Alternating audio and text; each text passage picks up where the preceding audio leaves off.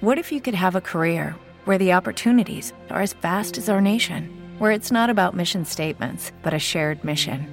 At U.S. Customs and Border Protection, we go beyond to protect more than borders from ship to shore, air to ground. Cities to local communities, CBP agents and officers are keeping people safe. Join U.S. Customs and Border Protection and go beyond for something far greater than yourself. Learn more at cbp.gov/careers. In deze podcast hebben we het over aannemers, over uh, vertrouwen en wantrouwen. Die dingen gaan echt hand in hand. En voordat we verder gaan, uh, zoals altijd maak je uh, kans op het Febba-boek. En je doet mee steeds maar weer bij een review in de podcast, in jouw podcastplayer. Dan kun je de Verbakosten podcast een review geven. En daar zijn we altijd heel blij mee als je veel sterren geeft.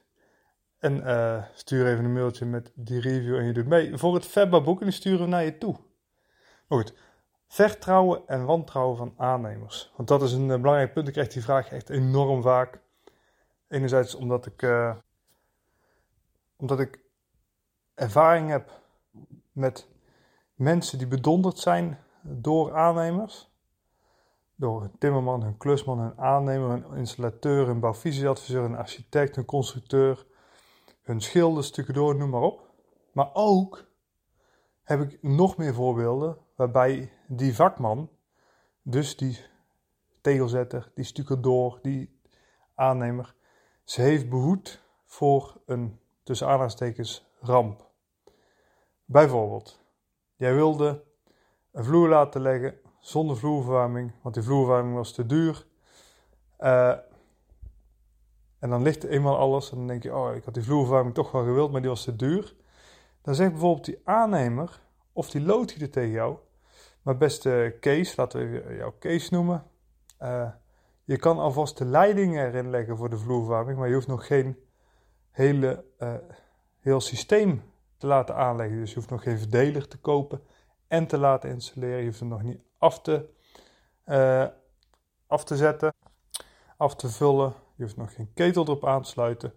Doe nou gewoon die vloer leggen met wat plastic buizen, want dat is het puur. Hè? Wat uh, ethyleen buizen in die vloer. Uh, en laat hem nog niet afvullen, maar dan ligt die vloer erin, die vloerverwarming. En dan kun je over drie jaar of over vier jaar, als je het geld hebt gespaard, of je zegt op een gegeven moment, nou, geen vakantie, we gaan die vloerverwarming regelen, dat is lekker comfortabel voor de winter. Dan sluit je hem aan. Maar andersom kan het niet. Dus op zo'n moment heeft zo'n loodgieter jou behoed voor een ramp tussen aanhalingstekens. Want als je in de toekomst vloerverwarming wilt, dan zou die hele vloer, bijvoorbeeld jouw nieuwe parketvloer of jouw nieuwe mooie uh, tegelvloer, misschien heb je wel natuursteen laten leggen en alles is gestuukt en geschilderd en, en de keuken staat erop, dan kun je geen vloerverwarming meer krijgen. Maar zo'n lege buis voordat de vloer wordt gelegd. Ja, als toch die cementdekvloer erin gaat. Uh, en soms gewoon, ja, dan kan er gewoon die leiding erin. Dit is gewoon één voorbeeld dat een aannemer redt. Er zit dus geen podcast waarbij we de vakmannen afvallen. Maar het is juist, en dat is eigenlijk veel moeilijker, die balans tussen vertrouwen en wantrouwen. Ik zal de keerzijde ook meteen noemen. Uh, laten we de aannemer Benno noemen. Ik heb een concrete casus uh, van een klant. Eigenlijk niet van een klant, maar wel een verhaal van wat ik hoorde. Uh, de aannemer Benno, die snapt niks van Elektra. Is een super goede vakman, een echte timmerman. Echt top timmerman. Nou, er zijn wel betere, maar hij is gewoon echt goed. Zeg maar echt een 8. Echt een goed niveau timmerwerk. Niet te langzaam.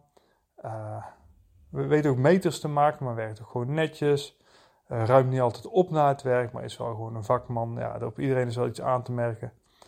Uh, maar hij weet niks van installaties van Elektra. Maar toch doet die aannemer soms iets doms. Dan wordt iets aangelegd door een installateur. En dan denkt die aannemer, ja, uh, ik snap het niet, ik haal het maar weg. En dat gebeurt echt. En vervolgens wordt alles afgewerkt, afgetimmerd. En plotseling is die elektra weg, is gewoon die aansluiting weg. En, en kun je niet uh, ja, uh, die, die, uh, die stoomoven plaatsen in de keuken, omdat gewoon die installaties weg zijn gehaald. Alles wat voorzien was en klaargelegd, en die, timmerman snapt het niet, heeft hij gewoon weggehaald. En dan heb je een moeilijk verhaal. Natuurlijk kun je zeggen tegen die timmerman, ja, je hebt hem weggehaald, fix het maar. Maar als daarvoor die halve keuken weer overhoop moet, is gewoon heel erg vervelend. Niet alleen voor die timmerman zelf, want het kost hem geld en tijd, maar ook voor jullie, want die keuken gaat stuk. De planning loopt in het honderd, uh, lastig voor het gezin, met de vakanties, met de vrije dagen die opgenomen zijn. Echt kan, kan zo doorgaan. Uh, dus je moet ook wantrouwen hebben. Dus iedere keer als je er bent, en het liefst ben je er iedere dag als je er is. Zo niet, dan ben je er iedere avond en dan ga je gewoon rustig rondkijken. Gaat alles nog goed? En dan kijk je met een wantrouwende blik. En natuurlijk kun je ook met je roze bril van, oh wat een mooie tegeltjes zijn geleverd en die kraan is super mooi die geplaatst gaat worden. Maar ik zou juist op het gedane werk direct feedback geven. Want opleveren doe je continu. Dat tip. Uh, vertrouwen en wantrouwen. Vertrouwen nog een voorbeeld. Nou, niet een voorbeeld, maar hoe pas je het toe? Gewoon op het moment dat je gewoon twijfelt over iets, uh, vraagt die aannemer gewoon serieus of die stukken door of die schilder.